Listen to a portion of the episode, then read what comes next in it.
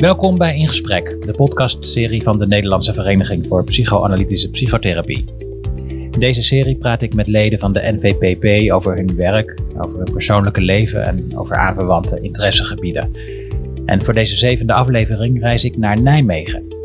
Daar, in het bos, aan de rand van de gemeente, woont en werkt Jan Derksen, emeritus hoogleraar psychodiagnostiek, emeritus hoogleraar psychodynamische psychotherapie, schrijver en natuurlijk psychoanalytisch psychotherapeut. We zullen het hebben over zijn achtergrond, over zijn weg naar de psychoanalyse en met name over de moeizame relatie tussen het psychoanalytisch gedachtegoed en de universiteit. Komt het ooit nog goed tussen die twee? Ik zit uh, bij Jan Derksen thuis en we moeten meteen lachen, omdat um, ik, toen ik hier naartoe reed, dacht ik: dit is zo'n prachtig rustige omgeving. Daar kunnen we ongestoord een uurtje praten. En, en aan alle kanten horen we stofzuigers en snoeimachines. Nou, het is wel te doen, geloof ik. Wel in Nijmegen, maar ik zag trouwens wel op, op de gemeentegrens, hè? Op de grens van uh, Upbergen en Bergendal. Ja. Maar het is echt uh, een dag waarop overal gewerkt wordt hier in de straat en in de wijk. Ja, dat is het. Ja. Dus het produceert meer lawaai dan gebruikelijk, zullen we maar zeggen. Ja. We zitten hier op een uh, door de weekse dinsdagmiddag. Klaar ligt de dag. Volgens Twee mij uur. is het een donderdagmiddag. Oh, het is donderdag. Ja. nou, voor mijn verhaal is het om het even. Want ik denk in beide gevallen had dat een paar jaar geleden niet gekund, hè? Gewoon hier op dinsdag ja, of op donderdag afspreken. Nee. Hoe lang ben je nu met de emeritaat? Ehm, in Nijmegen, in Brussel eh, vanaf 2018, want daar moet je stoppen eh, in het academisch jaar dat je 65 wordt. En in Nijmegen 2019 juni, eh, ongeveer deze periode, en dat was toen ik 66 was en vier maanden. Maar ik werk nog vier dagen in de week in onze eigen praktijk en ik heb nog een aantal onderwijsfuncties. Ik leid klinisch psychologen, psychiaters en psychotherapeuten nog op. Ja. En ik werk voor het Centrum voor Consultatie en Expertise. En in onze eigen praktijk nog drie dagen in de week, maar ik heb deze week nog vakantie. Ja, aha. Maar dat is allemaal niet meer op de universiteit, dus. Nou, dat eh, onderwijs geven aan de klinisch psychologen en psychotherapeuten wel. Dat is het Radboud Centrum Sociale Wetenschappen. Dus dat is in het kader van hun specialistische opleiding tot klinisch psycholoog of tot psychotherapeut. Ja, is, d- bij ons heet dat de Rino, geloof ik. Is dat Ja. hetzelfde? Elders heet dat erin. Ja. En daar geef ik nog, eh, ik, ik ben gestopt met het merendeel van de cursussen die ik daar gaf. Eh, nu geef ik nog kortdurende psychodynamische psychotherapie. En ik geef eh, psychodiagnostiek van complexe gevallen in de eindfase van de klinisch psycholoogopleiding. Ah ja. Ja, dus dat heeft allemaal niks te maken met gepensioneerd zijn, als ik het zo hoor. Nee, dus dat Nee. is voor mij nog een moeilijk begrip. Ja? Dus dat is nog niet helemaal, nu is het plan dat eh, onze praktijk in eind van dit kalenderjaar door de staf wordt overgenomen. En dan eh, werk ik waarschijnlijk niet meer in de praktijk. ja. Dan zie je dus geen patiënten meer. Dat is ook weer niet zo, want voor het Centrum voor Consultatie en Expertise, dus daar, daarbij help ik complexe vastgelopen gevallen los te trekken in de GGZ. En, eh, en die patiënten zie ik eh, doorgaans tamelijk intensief, zowel diagnostisch, maar ik doe ook vaak eh, behandelsessies om helder te krijgen wat er eigenlijk aan de hand is. Je blijft nog genoeg doen de komende tijd Ja, dus. ja. Ja. Maar ik geef bijvoorbeeld geen supervisies meer. Dus Aha. daar ben ik in september mee gestopt. Want dat werd te veel. Dus ik kreeg elke week minimaal één aanvraag voor supervisie. En ik had een, geen reden om de een te accepteren en de ander af te wijzen. Dus dat ben ik nu aan het afbouwen. Ja, ja. Zullen we bij het begin beginnen? Ehm, ik heb me een beetje in je verdiept. Opgegroeid hier in de buurt ook. Al, altijd hier dus gewoond hè, in deze regio, denk ik. In Klein een, dorpje, waar kom je vandaan een hier? dorpje Herne, dat is eh, zo'n 20 kilometer hier vandaan. Ja. En ehm, daar eh, opgegroeid, 18 jaar gewoond. Ja. En daarna ben ik naar Utrecht verhuisd. Dus daar heb ik, eh, na de middelbare school, heb ik de school voor de, Ah, ja. voor de journalistiek Ja. in Utrecht gedaan. Oké, kom, kom, kom er zo op. Ja. Want, want e- eerst nog even terug naar het begin. Groot boerengezin, heb ik dat goed begrepen? Geen boerengezin. Nee? Nee. Mijn vader was eh, eigenlijk fruitteler, maar dat, eh, hij had niet de gelegenheid om dat ook uit te oefenen. Dus hij eh, werkte als burger bij Defensie. Ah, ja. Maar wel een groot gezin. Zes kinderen. Zes kinderen. Nou, dat zouden we nog wel groot noemen nu, denk Ja, ik. Katholiek ook? Ja, met de katholieke grondslag. Mhm. Wat bedoel je daarmee? Nou, dus dat, dat ik natuurlijk misdienaar ben geweest. In het dorp eh, was de macht verdeeld tussen de pastoor en de hoofdonderwijzer. Maar op mijn eh, elfde kreeg ik met beide ruzie. Toen ben ik van de basisschool afgegaan naar een school in Nijmegen. En eh, het, in plaats van een katholieke grondslag heb ik nu een stevige atheïstische grondslag. Had dat te maken met die ruzies? Ook. En ehm, ik, ik kon me niet voorstellen dat al die geloofstellingen enige steun konden vinden in het denken. Eh, dus, eh, want eh, het idee dat wij door God geschapen waren, leek mij minder aannemelijk dan het idee dat wij God geschapen hebben. Hmm. Dat leek mij veel aannemelijker. Wat Richard Dawson natuurlijk in zijn boeken ook uitgebreid heeft beschreven. Maar dus, ik, ik ben niet van het geloven. Nee. Dus geloof is voor mij, zeg maar, eh, heb ik zelf afgeschaft. Eh, het begrip waarheid heb ik ook afgeschaft. Dat past alleen maar in de religie, naar mijn idee. En in de wetenschap. Dus ik, ik ben natuurlijk toch in mijn denken een wetenschapper. Dus daarin eh, heb je eigenlijk alleen maar hypotheses die voorlopig zijn. Hè? Ja. Toen Newton eh, zijn Principia publiceerde, dacht men, oh, nou is de Ja. fysica af. Nou ja, We hebben de waarheid gevonden. ja, Ja. geen Nee. natuurlijk. Dat gaat allemaal op zijn kant. Ja. En zo is het met alles. Dus ik denk dat eh, alle kennis, voorlopige kennis is, dat we heel bescheiden moeten zijn. Zeker in de psychologie Ja. psychiatrie, zeg maar. Dus, want daar weten we nog heel weinig. Maar was, was, was dat, dat, dat geruzie met die autoriteitsfiguur in het dorp waar je vandaan kwam, lag dit er al aan ten grondslag? Was het een intellectuele expressie of was je gewoon een driftkikker? Ehm, allemaal. Ja. Ik denk dat het allemaal meespeelde. Het is altijd, zoals Freud zegt, overgedetermineerd. Hè?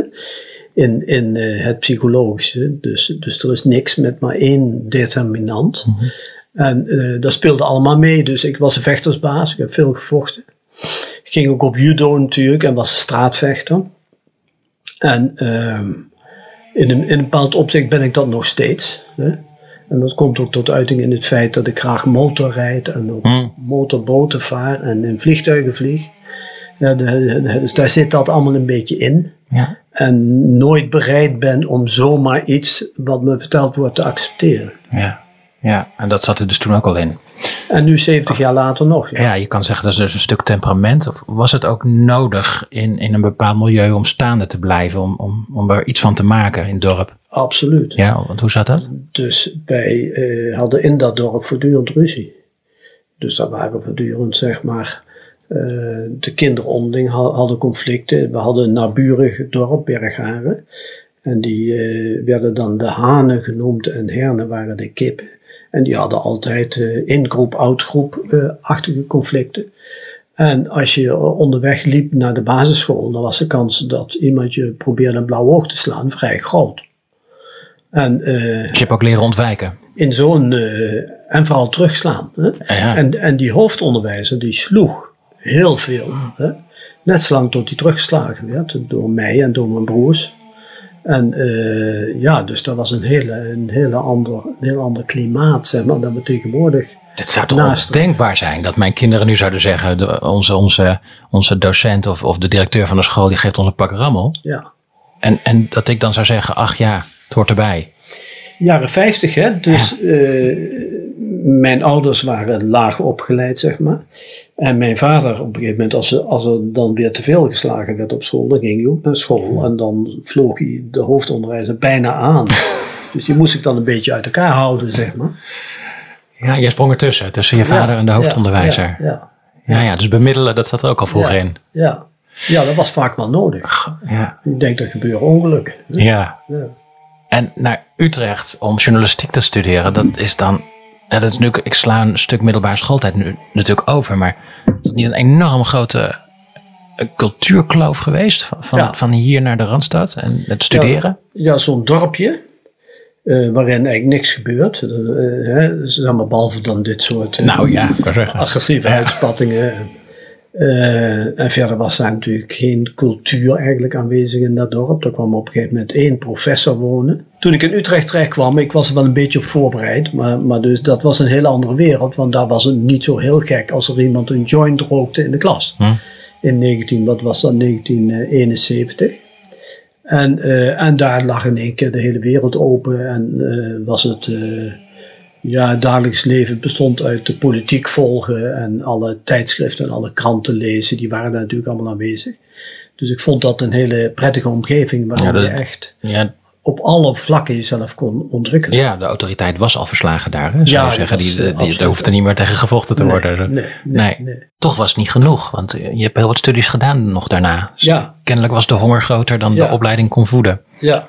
Ja, dus toen ben ik in feite ook weer wat versneld afgestudeerd. Ik heb het eigenlijk in plaats van in vier en twee jaar gedaan. En toen ben ik hier psychologie gaan doen en sociologie en filosofie. Ja, tegelijkertijd? Ja, eigenlijk allemaal een beetje tegelijkertijd. Alleen het enige wat ik echt heb afgemaakt is psychologie. Aha. Ja. ja. ja. En, uh, Want over wat voor tijd hebben we? Dit is dus uh, halverwege de jaren 70 zit je dan, hè, denk ik? 1973 ben ik hier in Nijmegen. 73 begonnen, ja. En intellectueel hongerig, dat, dat idee krijg ik in ieder geval wel van. En we hadden hier natuurlijk de Sun, de socialistische uitgeverij. Dus ik ben eigenlijk opgevoed door de Sun. Hm. Uh, dus de universiteit was één ding, maar dan leerde je niet zoveel. En de Sun, daar lazen we de Frankfurters. Daar lazen we Freud en Marx. En, en de Frankfurter Schule, Adorno, Horkheimer, Habermas, lazen we daar. Wat trok je daar zo in aan? Ja, dus we, en we analyseerden de universiteit. En ik had natuurlijk die politieke uh, boost gekregen op de school voor journalistiek. En, en ik kon goed schrijven, dus ik ging voor de lokale bladen schrijven. En dan zaten we op zondag zaten we studie te maken in de originele teksten van uh, Freud, Marx, de Frankfurters. Ja, naar de hand Althusser, Lacan, ja. Franse structuralisten, Levi-Strauss. Ja. Dus in feite heeft die achtergrond mij gevormd. Dat waren geen boeken die je op de universiteit kreeg. Nee, nee. Freud werd natuurlijk niet op de universiteit gelezen. Nee. Uh, hè, maar dan kreeg je Hilgert en Atkinson. En die zeiden dan dat er een theory of motivation was. Dat was Freud? Dat was Freud. En daar was het mee klaar. En dat was voor mij een reden om te zeggen van volgens mij klopt hier helemaal niks van. En op een gegeven moment als studentassistent heb ik voorgesteld toen ik in het bestuur zat van de vakgroep klinische psychologie als studentassistent. Ik zei van jullie geven les in gedragstherapie. Dat was toen nog zonder cognities. Hè. Dat was uh, klassieke gedragstherapie en de client center therapie. Ik zei maar wat eraan ontbreekt is psychoanalyse. Mhm. Want daar komt het voor een deel uit voort, of het heeft erop gereageerd. Dus ik stel voor dat we ook een cursus teksten Freud gaan geven. En dat vonden ze goed. En dat heb ik 24 jaar lang gegeven. Ja, dat heb je voorgesteld toen je zelf nog studeerde of daarna? Toen je zelf nog studeerde, ja, je dus miste iets. Heb ik als studentassistent twee jaar lang gegeven en daarna kreeg ik een aanstelling voor halftime. Ik ben halftime de eigen praktijk begonnen. En daarbinnen eh, heb ik dat dus, ben ik die cursus uh, teksten Freud lezen gaan blijven geven. En daarnaast kreeg ik de opdracht om psychodiagnostiek te geven. Ja. Dat heb ik 40 jaar gegeven. Even een heel klein stapje terug naar die Frankfurter Schule en de auteurs die je las en de filosofen uh, en Marx en Freud. Dat, dat is ook een politieke richting die je daar inslaat, toch? Ja. Was dat bewust of was dat omdat je toevallig eh, je in die kringen verkeerde? Nee, ik was, toen ik op school voor journalistiek zat, werd ik PSP-lid. Dat was de vroegere Pacifistische Socialistische Partij. Dat is GroenLinks geworden? Ja, en daar ben ik ook actief in geweest. Toen ik in Nijmegen kwam, toen rolde dat vakbondsbestaan uh, over je heen. Dus vanuit de socialistische uitgeverij ook. Toen ben ik lid geworden van de CPN. Daar ben ik een jaar of vijf lid van geworden. De Communistische Partij in Nederland. Ja. En, uh, en wij bestudeerden graag vakbonds teksten, omdat we die vakbond als een hele cruciale uh, maatschappelijke kracht zagen. En nog, ik denk dat de vakbond nu essentiëler is, misschien nog wel dan toen. Uh, en vaak in Nederland uh, toch verzwakt. Hè. En, en wij waren voortdurend bezig met analyses te maken van hoe die samenleving in elkaar zat, gebaseerd op, op de teksten van Marx en Engels en Gramsci en uh, combineerde dat dan, combineerde dan de theorie van de samenleving met de theorie van het individu.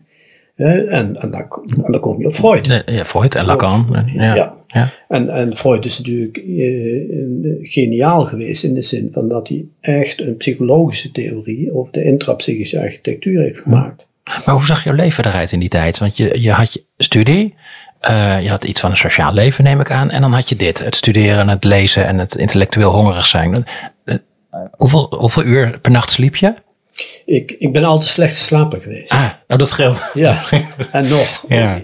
Ik, ik denk niet dat, dat is overigens zeg maar niet gezond, maar goed, het is niet anders. Ja. Dus ik slaap heel licht en ben snel wakker en dan ga ik s ochtends vroeg eigenlijk uh, vaak schrijven. Dus de ah, boeken die ik geschreven heb, uh, heb ik s morgens vroeg geschreven. In plaats van slapen, wat andere mensen dan op die tijden doen. Ah, ja. En dan vaak s'avonds tot lang uh, ook daar nog aan doorwerken. Nu lukt me dat niet meer op mijn zeventigste om zo lang actief te blijven. Maar ik ben wel nog steeds vroeg op. Ja, verklaart een hoop. Um, maar goed, je was al lang van God los hè, in die tijd. En dan ga je naar de Radboud. Nou, dat heette nog niet zo. Dat was de, de, de Katholieke Universiteit Nijmegen. Absoluut. Ja, ja. een Katholieke Universiteit. En daar hebben we meteen actie, actie gevoerd eh, voor uh, uh, pluriformiteit bij benoemingen. Omdat uh, de Radboud, de Katholieke Universiteit Nijmegen, gaf katholieken de voorrang. Bij, bij gelijke geschiktheid kregen katholieken de voorrang. En daar waren wij op tegen. Daar hebben we aardig wat gebouwen voor bezet. Hmm om dat van tafel te krijgen, wat ook redelijk gelukt is. Toen al of was dat later pas? Nee, dat had dat wel effect. In, de jaren zeventig, dat had zeker effect. Ja. toen hadden we rector magnificus in Duinstee. En die, eh, daar hebben we heel wat mee gedebatteerd. Dat was ook de tijd dat Paul Scheffer hier actief was en Gabriel van der Brink. Alle twee gasten die natuurlijk heel erg ook zijn doorgegroeid, ook in landelijke zin. En ehm, en wij waren voortdurend alert op alles wat er aan die universiteit gebeurde op het vlak van ideologie en wetenschap. Hè. Dus Althusser, Louis Althusser, maakt een scherp onderscheid tussen ideologie en wetenschap. En een religie is een ideologie. En wij pleiten ervoor als studenten, gemotiveerd door het lezen van die teksten, dat, dat de universiteit wetenschappelijk zou moeten zijn. En, en veel stafleden, die hingen met één been nog in het geloof, waren natuurlijk... Uh, ja, uh, hadden vaak op seminarie gezeten, ook op de vakgroep klinische psychologie, die oudere stafleden voor, uh, de generatie voor mij waar ik les van kreeg. Mhm. Die hadden een enorme katholieke scholing gehad. Merkte je het toen je daar zelf ging werken, psychodiagnostiek ging je geven, Freud lezen? Ja. Uh, heeft het gebotst daar met de katholieke traditie? Zeker. Wat voor manier? Zeker, maar, maar, maar dat deden we wel op een intellectueel niveau. Dus dat waren verder prettige verhoudingen dus ik heb die 40 jaar aan de Radboud Universiteit meer, die bele daarbij beleef ik meer dankbaarheid dan iets anders. dus want, want ik heb het heel prettig gevonden dat ik daar halftime heb kunnen werken. En dat heb kunnen combineren, wat toen eigenlijk nieuw was met halftime in de praktijk werken. Ik was op een gegeven moment de enige die dat zo deed op de sectie. Dus en patiënten zien en eh, onderwijs geven en onderzoek doen. Ja, je ja. dus opleiden als ja. clinicus en als onderzoeker en, en, en onderwijs geven. En ik heb het altijd heel prettig gevonden dat dat kon, totdat ze, zeg maar, zeg maar Kees Hoogduin, die kwam psychopathologie geven, die psychiater. En die zei begin jaren negentig tegen mij van, ja Jan, het onbewuste bestaat toch helemaal niet, daar kun je toch helemaal niet meer over praten, dat mag toch niet? Ja. Ik zei van, ja kijk, als dit het teneur wordt op de vakgroep, dan, dan houdt er wel mee op. Dus, oh, God bestaat wel, maar het onbewuste niet. Dat was eigenlijk. Ja, ja. En toen vroegen ze aan de Vrije Universiteit van Brussel, waar ik al enige tijd samenwerkte op vlak van MMPI-onderzoek, of ik daar ook leraar wilde worden in de psychodynamische psychotherapie. Kwam goed uit. En toen ben ik dat ja. twintig jaar lang uh, heb ik dat vakgebied uitgegeven. Ja, maar dan had je dus en je eigen praktijk en je schreef en je had twee universiteiten waar je dus les gaf. Ja. En, en um, ik denk dan natuurlijk meteen, hoe doe je dat? Maar nou weet ik dat je weinig slaapt, dat scheelt. Maar hoe was de verdeling dan? Hoe, je zat in Nijmegen en in Brussel? Ja. En uh, twee dagen hier, twee dagen daar? Uh, ja, dus in Nijmegen, uh, dus in Brussel gaf ik twee cursussen. Dus en dat zijn daar lange cursussen. dus alle twee in de masterfase. Daar is de masterfase twee jaar. Dus vrij uitgebreid. Dat lijkt meer op onze GZ-opleiding, zeg maar. En daar gaf ik zeg maar een, eh, een cursus waarin ik psychoanalytische begrippen gaf. En dan met name naar de psychodynamische kant toe. En een tweede was gevalstudies. Dan lopen ze een jaar stage en dan komen ze terug en dan kregen ze cognitieve gedragstherapie, systeemtherapie en psychoanalytische psychotherapie. En dan uh, was het meer praktijkgericht onderwijs geven over casuïstiek. En dat, die cursussen liepen, die gaf ik op één dag, de maandag. En altijd een half jaar lang, in herfst. Dan gaf ik zeg maar zo'n beetje de hele dag les. En in het voorjaar uh, zeg maar, was ik weer vrij. Ja. En hoefde ik daar niet per se te zijn. Ik heb daar ook onderzoek gedaan natuurlijk. We hebben daar verder gewerkt aan psychologische instrumenten. Maar daar hoefde ik niet altijd voor aanwezig te zijn. Mhm. De Radboud Universiteit was ik 2,5 dag. Ik hoefde geen bestuurlijk werk meer te, doen, meer te doen. Daar was ik ook niet goed in. En ik was eigenlijk vrijgesteld voor onderwijs en onderzoek. Hmm. En onderwijs ging altijd heel goed. En onderzoek heb ik vooral op instrumenten gericht. Ja, MMPI hè, vooral. Ja, Ja. en uh, daarnaast zijn de praktijk gedaan. Dat waren altijd lange dagen. Mhm. Dus een praktijkdag voor mij was 12 patiënten. Ja. En uh, als mensen bij een instelling werken, ja, dan zien ze vaak zes patiënten op een dag en soms zelfs minder. Maar dus ik ben altijd gewend geweest aan uh, volle dagen te draaien. Ja. Toen had je je psychoanalytische opleiding dus al achter de rug. Hè? De periode waar we het nu over hebben. Of zat je daar nog in toen? Uh, ik, mijn uh, psychoanalytische, mijn leeranalyse ben ik begonnen in 1985, denk ik. Ik zat toen in de eerste groep van de NVPP. En het leuke was, wij konden nog zowel de vis-à-vis als de bankanalyse doen. En uh, ik zat dus in die eerste onderwijsgroep, en dat was een jaar of vier, en toen de supervisorenopleiding en die bankanalyse, dus die liep al, dat overlapte allemaal. Dus dat, dat was allemaal een beetje in de jaren tachtig. Mm. En, uh, en dat was parallel, liep dat aan het onderwijs. In 79 is de NVPP opgericht. Dus ja. je was echt een van de allereerste, of misschien wel de eerste. Het was de eerste opleidingsgroep. de eerste opleidingsgroep. Ja, ja. ja. Hoe kijk je terug op die tijd, die opleiding? Nou, die, die groep waarin we zaten was een leuke groep. Daar hadden we al meteen stevige discussies met iemand die vooral. Dus ik was toen een adept van, in zekere zin, van Kernberg. Ik ben na, na mijn promotie in 83 naar New York gegaan, naar Kernberg, en heb me laten scholen in structureel interview en in de borderline pathologie. En heb dat toen naar Nederland gebracht op allerlei manieren en daar onderzoek naar gedaan. En uh, heb heel sterk dat structurele interview ben ik getraind en heb daar in Nederland misschien wel 500 cursussen ingegeven om, aan psychiaters en psychologen om in het hier en nu iemand te onderzoeken op de persoonlijkheidsstructuur. En, uh, en verder dat borderline concept wat daarbij hoort uit te werken. En dan had je natuurlijk ook Kohut, Heinz Kohut, die ik uitermate interessante teksten altijd vond schrijven.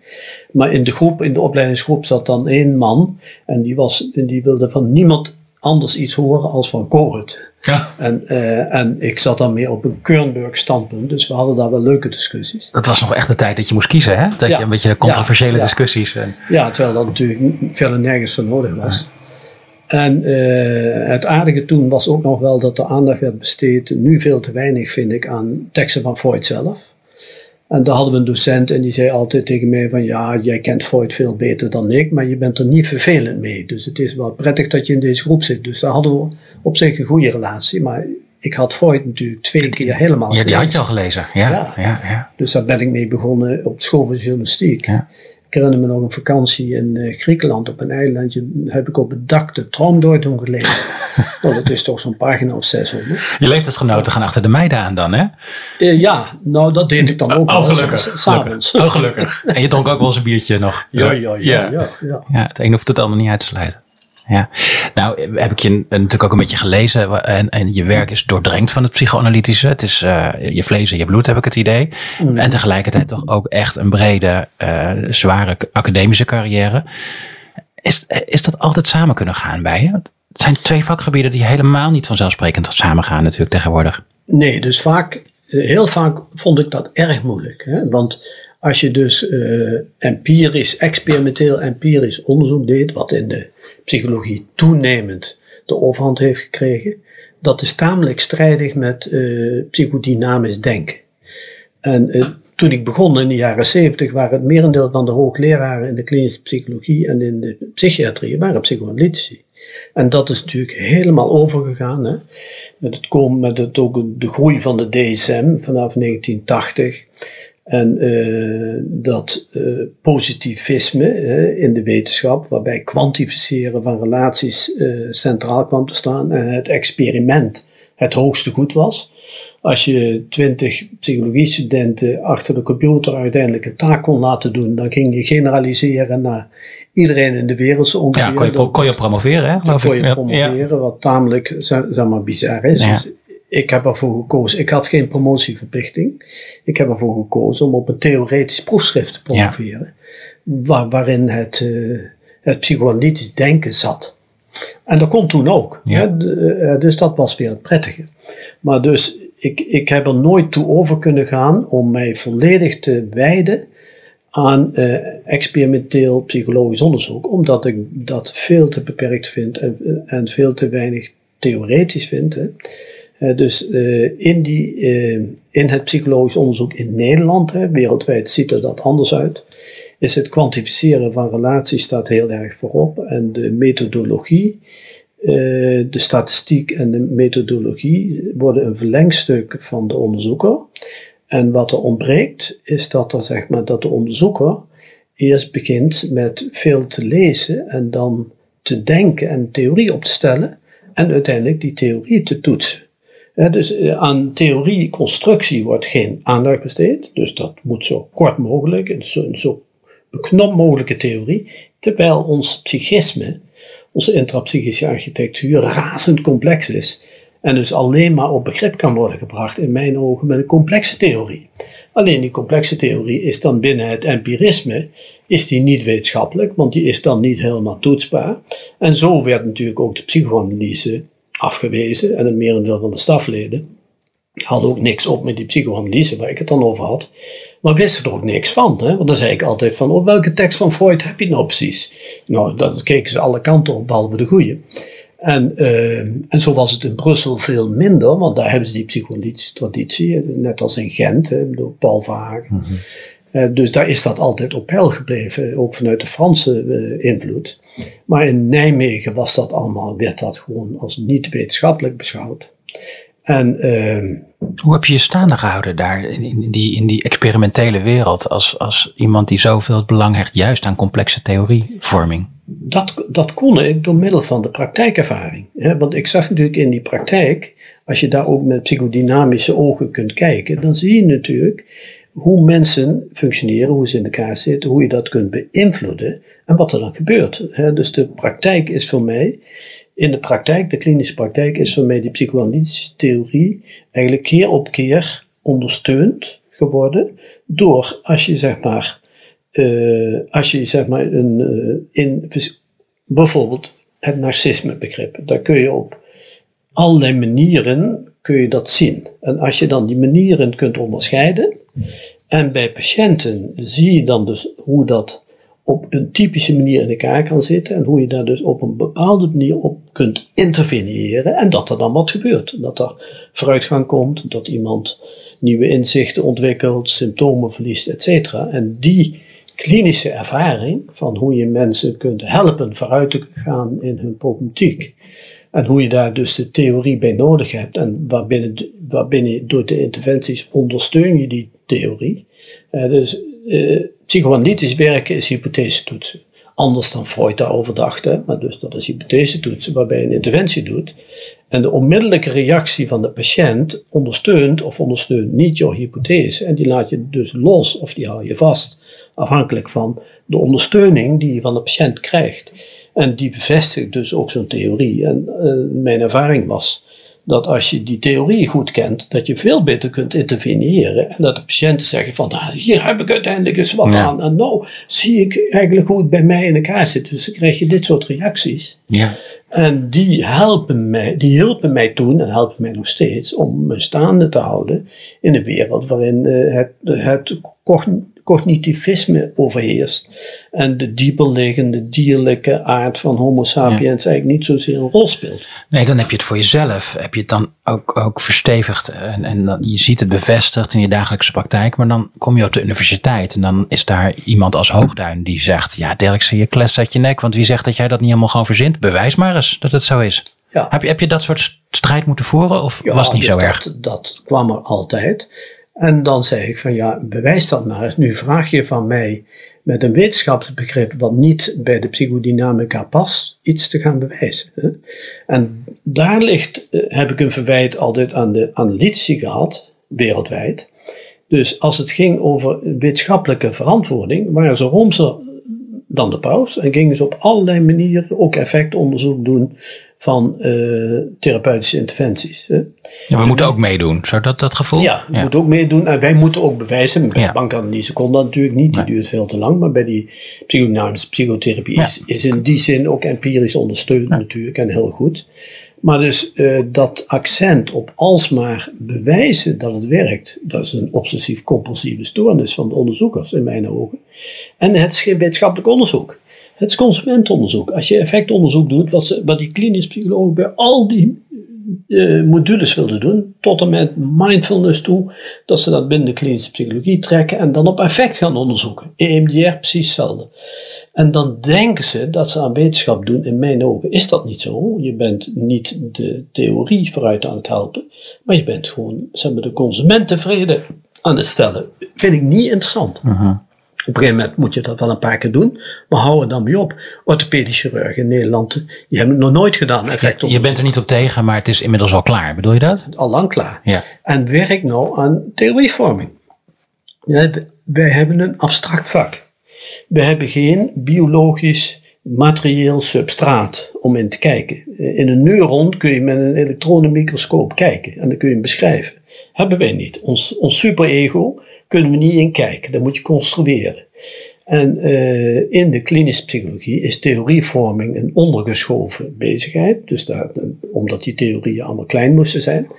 Vanuit de psychoanalyse hebben ze dus uh, de kans eigenlijk gehad om een groter accent in wetenschapsontwikkeling te leggen op theorievorming en dan een verantwoording, bijvoorbeeld vanuit de structurele theorie, de antropologie, de Franse antropologie, een bijdrage te leveren aan de productie van wetenschappelijk verantwoorde kennis uh, met een accent op theorievorming. En zonder de empirische kant helemaal te veronachtzamen, maar veel meer accent te leggen op logica en rationaliteit van theorie. Daar, daar hebben ze in de psychoanalyse veel te weinig aandacht aan besteed, als een soort alternatief voor het empiricisme. En niet, ja, in plaats van het mee willen doen en laten zien dat je ook heus wel. Hè? Ja. Zo, ja. Dus en daar heb je weinig steun uh, in mijn ogen gehad vanuit die psychoanalytische beweging. En dat blijft ook nog een beetje zo. Er zijn eigenlijk ook geen mensen die echt in staat zijn om uh, vanuit het uh, psychoanalytisch en psychodynamisch denken echt ook de wetenschappelijke structuur van dat werk vorm te geven. Mhm. En dat op een niveau te doen dat ze daar zeg maar een soort ja, hegemonie in kunnen produceren. Dus dat ze ook echt geloofwaardig worden voor veel anders denkende psychologen. Want als we dat zouden voor elkaar kunnen krijgen, of sommigen onder ons, onder psychoanalytisch werkenden, denk je dan dat er dan ook wel ruimte op de universiteit komt voor dat geluid? Um, uiteindelijk ja, of het er komt en wanneer, dat weet ik niet. Hè. Dus uh, in principe, de universiteit uh, is, is niet uh, adequaat georganiseerd. Dat heb ik in mijn afscheidsreden hier in Nijmegen ook gezegd. Dus de, op de universiteit zitten veel te veel mensen die een beroep willen leren, zoals standaards of huisarts of leraar of uh, scheikundige of jurist, advocaat. En dat, is een, dat zijn HBO-opleidingen. Hm. Op de universiteit zouden eigenlijk alleen maar mensen moeten komen, zonder selectie in de vooropleiding, maar gewoon met een toelatingsexamen en met een gesprek op motivatie, waarbij ze aan waarbij ze maar één ding graag willen, namelijk zo objectief mogelijk kennis produceren over de werkelijkheid. Dus die mensen zouden aan de universiteit moeten zitten, vanuit welke achtergrond is niet interessant. En uh, wat je dan moet doen is de titels afschaffen, Hè, want, want dan gaan mensen promoveren, maar die willen graag carrière opbouwen. Al die proefschriften komen, 99% komt in de la terecht. Want dat zijn voorbarige studies, die zijn veel te snel uh, gedaan. Daar is niet over nagedacht. Op alle, praat ik over alle wetenschapsgebieden hoor. En dus ja, in de, in de wiskunde en de fysica is het beter dan in de sociale wetenschap. Maar dus, uh, dan zou je dus een clubje mensen bij elkaar moeten hebben. Een beetje zoals de vroegere academies. En die produceren kennis. En uh, daarbinnen zou dan uh, moet een soort pluriform denkmodel staan. Die mensen moeten de eerste jaren uh, filosofieonderwijs krijgen. Als ze daar naartoe gaan, dan begint het met filosofieonderwijs een paar jaar. Gaat IQ wat omhoog. en dan kunnen ze goed nadenken over begrippen. En in zo'n klimaat kun je denken dat ook het psychodynamisch denken en de waardevolle bijdrage die daarin zitten, gewoon veel gemakkelijker plek krijgt. ik, moest, ik moet lachen, omdat wij kregen drie jaar statistiek in het begin alleen. Ja, ja. ja, ja. Precies. Ja, Jij, jij, schreef uh, Bevrijd de psychologie uit de hersenmythe. Ik, ik, las dat en toen begreep ik was waarom ik mijn studie zo verschrikkelijk oninteressant heb gevonden. Ja, Dat was, ja. het is inderdaad het tegenovergestelde van wat je nu schetst. Hè. Het is experimenteel onderzoek, uh, jarenlang statistiek. En dan ergens in het laatste jaar keuzevak, filosofie, psychoanalyse, nog net. Maar als ik je goed begrijp, moet dus de structuur van de universiteit eerst veranderen voordat de psychoanalytisch denkende en werkende daar iets te zoeken hebben. Ja, want dus en, en alle dus ik heb 40 jaar lang scripties begeleid. En dat zijn dan allemaal studenten, die moeten dat allemaal doen. Die moeten ook allemaal empirisch onderzoek doen voor de scriptie. En daarna doen ze het nooit meer. En ze zijn blij dat ze er vanaf zijn. Dit is zo'n verspilling van tijd en geld. Waar, waar, waar, komt het vandaan, die, die drang om... om is, is het een minderwaardigheidscomplex? Zit dat eronder? Van we, we zijn eigenlijk Calimero, van we, we willen meedoen met, met de, de grote natuurkundigen of zo? Ja, ja, dat zit er zeker onder. Dus in de jaren 60 ging Linschoten, die werd naar Amerika gestuurd om daar de nieuwe methodologieën te leren. En schreef toen de idolen van de psycholoog. En gaf aan welke kant het uh, op moest. En, en, toen is die, en toen waren er ook te weinig mensen die uh, alternatieven konden bieden. Hè? Je had toen de, de, je had de humanistische psychologie, je had het existentialisme, je had zeg maar de fenomenologie. Uh, en er waren op dat vlak waren er uh, allerlei brede denkers, zoals Buitendijk en Prik en Bastiaans en Van der Loo ook, die in termen van de psychosomatiek dachten. Maar die, die zijn niet in staat geweest om daar iets van te handhaven. Hè? Uh, dus de psychosomatiek, de Duitse psychosomatische medicine, nog zeer interessant in deze tijd van, van long covid ook. Mhm. Niemand kent die nog. En dat denken wat, wat daarin aanwezig was, dat is helemaal uh, uitgewist. Hm. En dat bestaat niet meer. Terwijl dat aanleunde tegen het hele psychoanalytische uh, en psychodynamische denken. Die tradities zijn niet overeind gebleven. Dus die zijn uh, weggedrukt door het kwantificeren hm. van de relaties hè, en door dataverzamelingen. In, in, de, in de coronacrisis konden de sociaal psychologen geen bijdrage leveren, want die hadden nog geen data. Dit is toch te gek voor een psycholoog om zo te redeneren. Ja. Dat lijkt in mijn ogen nergens op. Je hebt in de sociale psychologie heb je prima uitgangspunten om over dingen na te denken.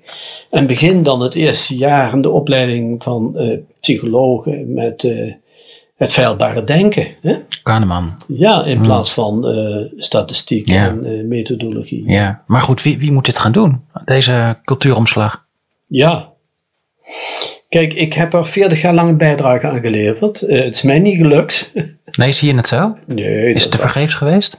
Nee, nou, nee, goed, ik heb in ieder geval er veel over geschreven. En dat op een of andere manier uh, zal dat uh, nog wel een keer.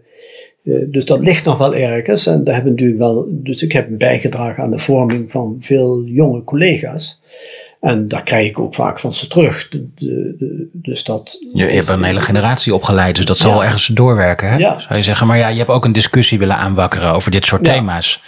En, maar dat lukt niet. Nee, niet nee, gelukt. Dus in feite zou de universiteit zeg maar, een soort uh, ja, forum, dat we een soort uh, arena moeten zijn waarin je dus die standpunten met elkaar kunt uh, uitwisselen. Mm -hmm. Dus dat zou heel goed zijn. In de jaren tachtig deden we dat op de sectie nog wel hoor. Dan was er ook een beetje die, hadden we van die, dan, dan noemden ze biechtavonden en dan voel je het alweer.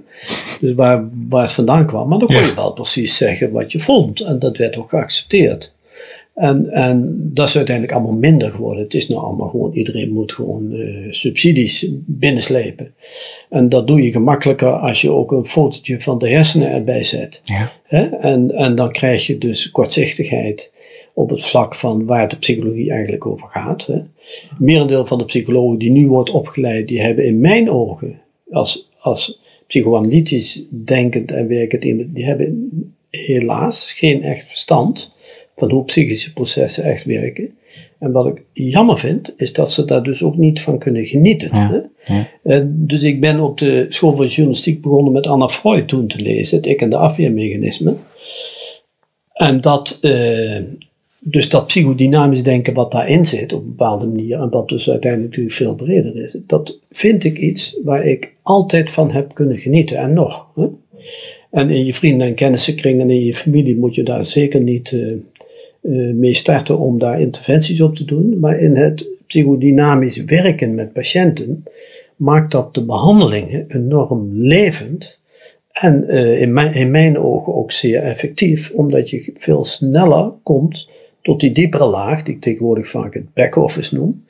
En waarbij mensen werken met uh, emoties waarmee ze in de knoop zitten. Het zijn natuurlijk ook zeker onder onze leden van de NVPP allemaal hele bekende woorden. En die zullen het volledig met je eens zijn. Maar kunnen wij nou als klinisch werkende, psychoanalytisch werkende nog iets doen? Ook misschien toch ergens in die gehoopte cultuuromslag. Want van binnenuit de universiteit gaat het niet gebeuren, begrijp ik.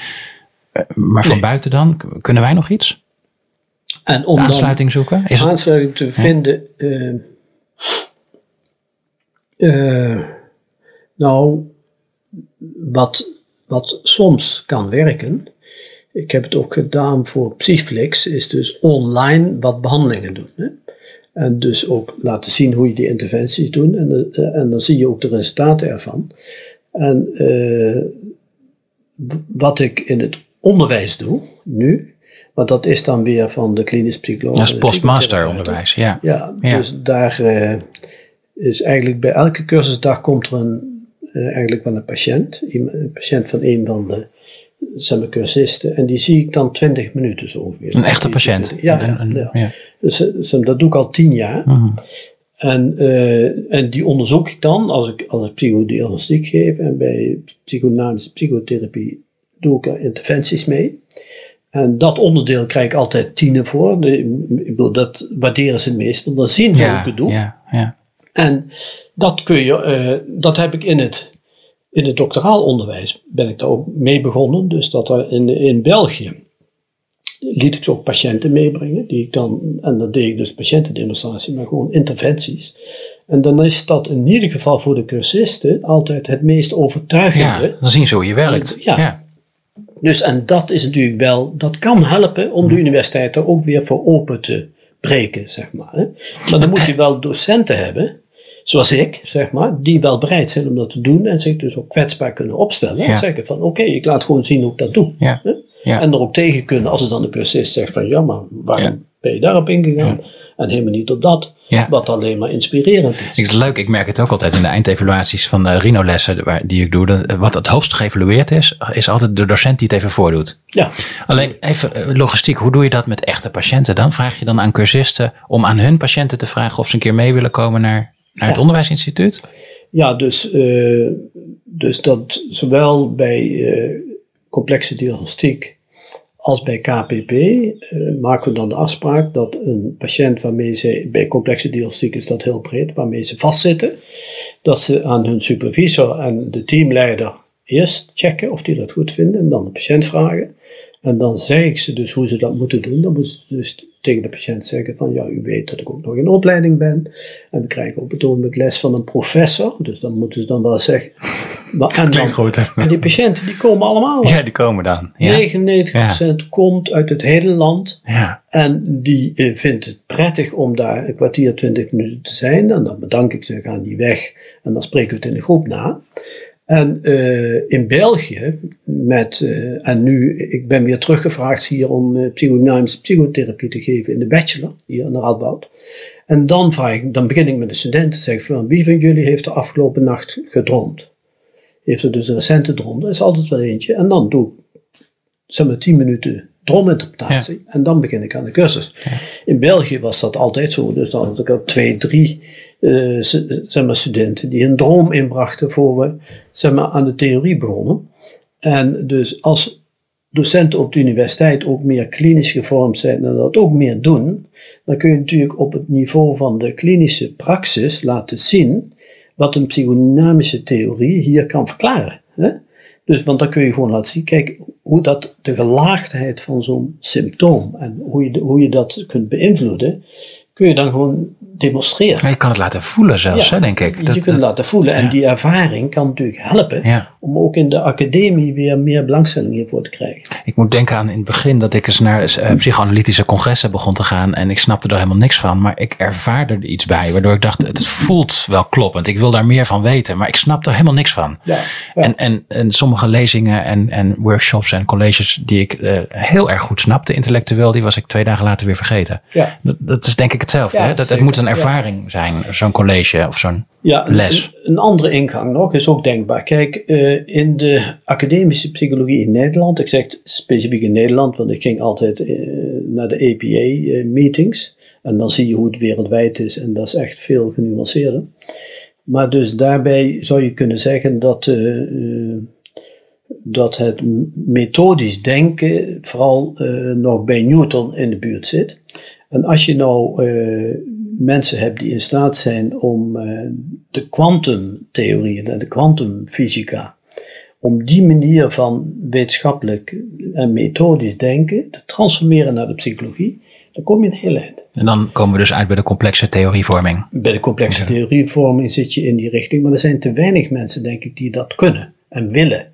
Want dat is een enorme klus. Hè? Want als je, als je denkt aan de kwantumfysica en aan wat je in de psychologie aan objecten hebt, dan, uh, dan begint dat meer op elkaar te lijken. Hè? Mm. Want dat is ook fluïde mm. en, en wordt beïnvloed door de observaties en de interventies.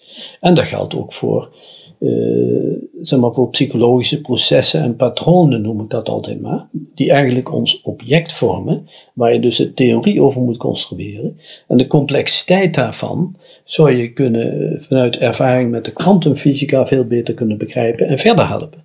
Dus op dat vlak ligt er een uitdaging voor denkers, voor wetenschappers, om, om daar bruggen te slaan zeg maar, tussen beide. En dan zijn we in één keer verlost van het uh, empiricisme en, en het naïef uh, positivisme, wat, wat, ons in de greep houdt met de methodologie, die nooit ter discussie wordt gesteld. Hè? Dus ik heb altijd geprobeerd de methodologie ter discussie te stellen. Kansloos. En uh, als we zover komen, gaan we dan ooit nog Freud lezen op de universiteit? Uh, Komt er dan een docent die dat vak gaat onderwijzen en niet verbannen wordt naar Brussel? Nou, wat mij betreft eh, zou, zou dat uh, een hele goede stap zijn. Hè? Want wat, wij, uh, wat we nu foutief noemen Freuds metapsychologie. Hè?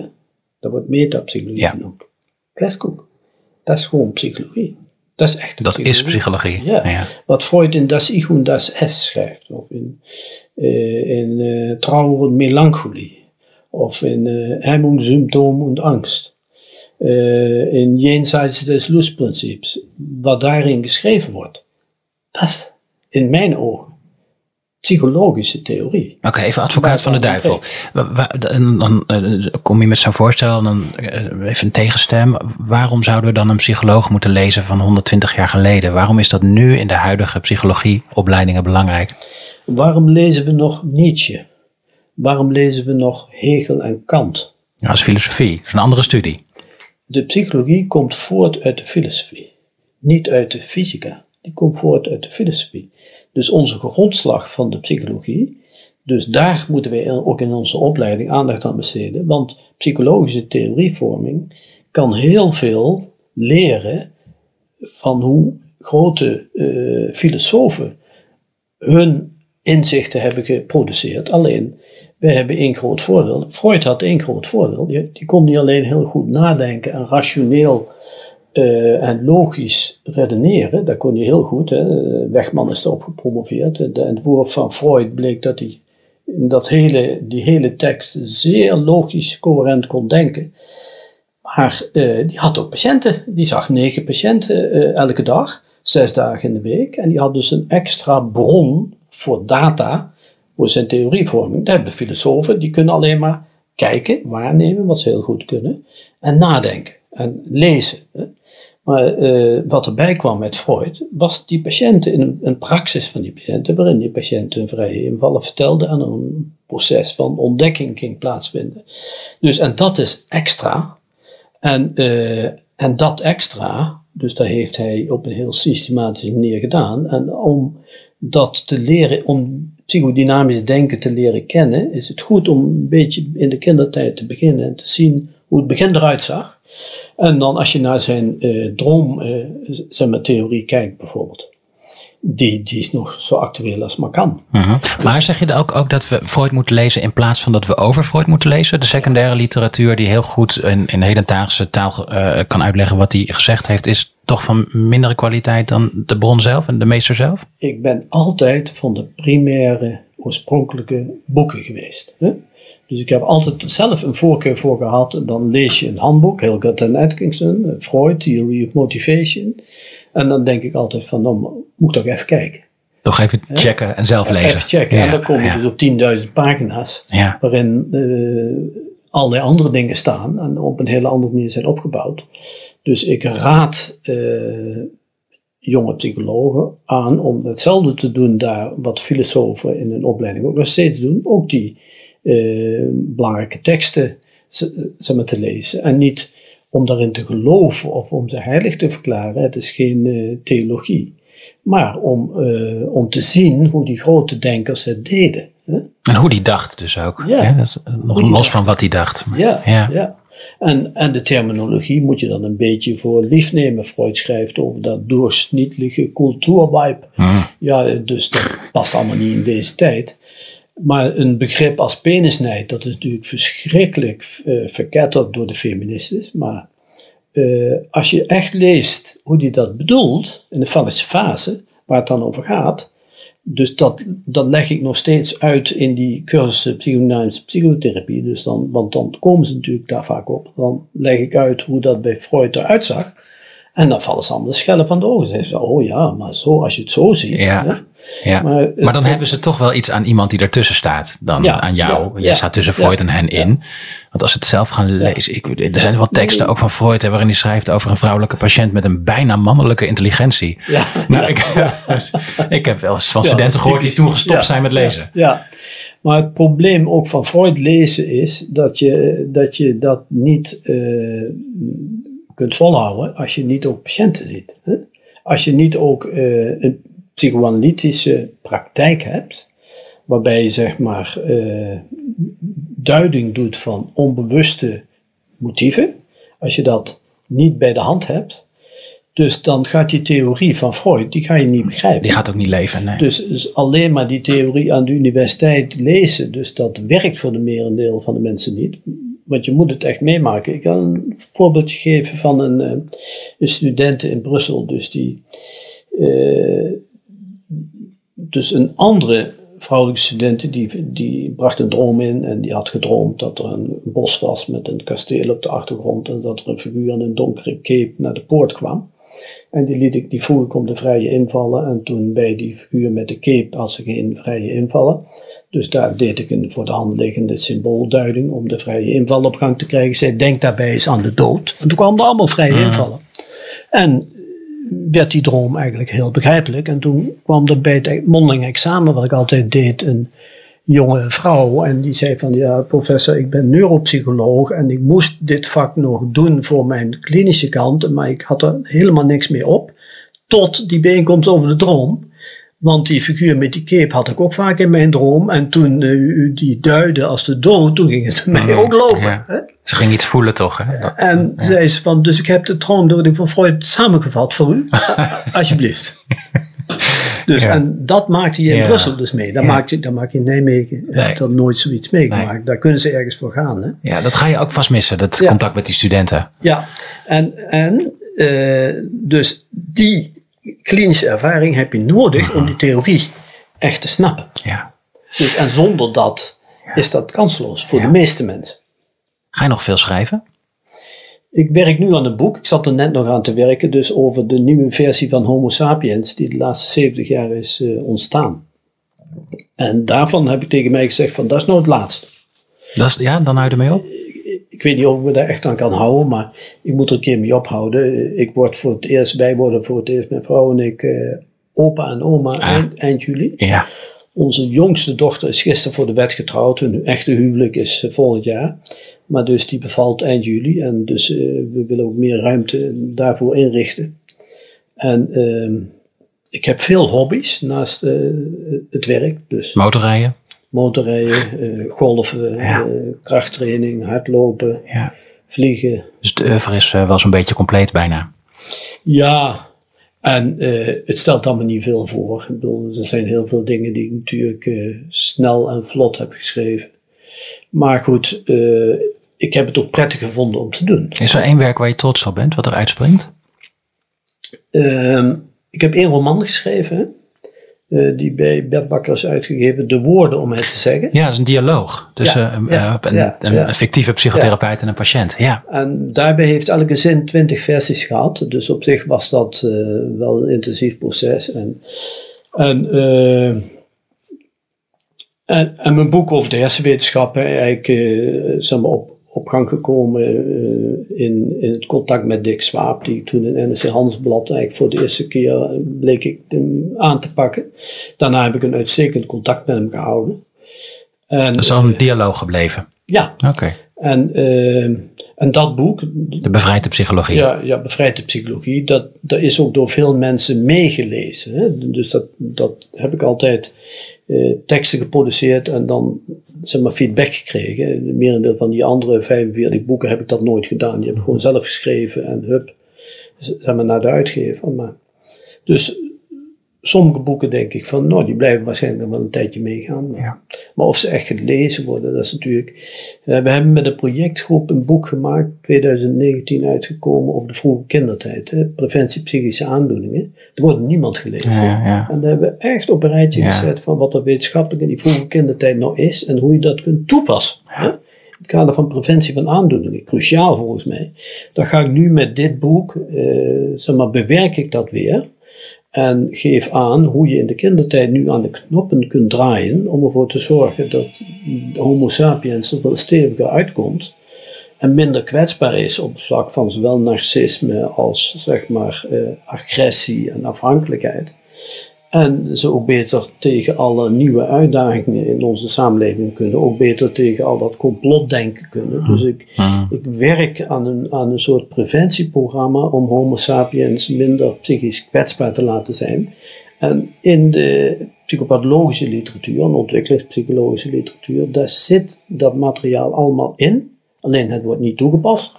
In de geneeskunde, kijk, die spuit je bil vol met eh, eh, vaccins om te voorkomen dat je iets niet krijgt. En wij kunnen dat op onze manier, Ja. kunnen wij in de hechtingsrelatie, denk aan wat Vonnegut daar allemaal helder heeft gemaakt, kunnen we heel veel doen. Kunnen we ons klaarstomen voor de volgende pandemie? Ja. Maar het wordt niet toegepast. Nee. Wanneer komt het uit? Het kan volgend jaar zijn, het kan pas over twee jaar zijn. Dat maakt me ook niet meer uit. Hè? Dus het gaat er meer om dat de boodschap die ik heb, dat die, dat die dan toch zo gemakkelijk mogelijk toegankelijk is voor een brede laag. Of dat lukt, weet ik niet. Succes in Ja. ieder geval. En ook heel veel dank voor je tijd voor ons. En eh, alvast heel veel geluk ook met het grootvaderschap. Want het is weer heel wat anders. Hartelijk dank. En met het mooie weer. Ga je een stukje motorrijden nog zo? Nee, vandaag niet meer. Nee, gewoon verder schrijven. Dankjewel Jan. Volgende maand dan praten we verder over de relatie tussen psychoanalytische psychotherapie en de academische wereld. Dan met mijn gast Mijke Lambrechtse. Zij deed onderzoek naar de invloed van ouderlijke psychopathologie op de invloed van het jonge kind. En staat dagelijks in verbinding met zowel de spreekkamer als het wetenschappelijk onderzoek. En vind je dit een leuke podcast? Tip deze dan aan anderen via de socials. Graag tot over een maand en veel dank voor het luisteren.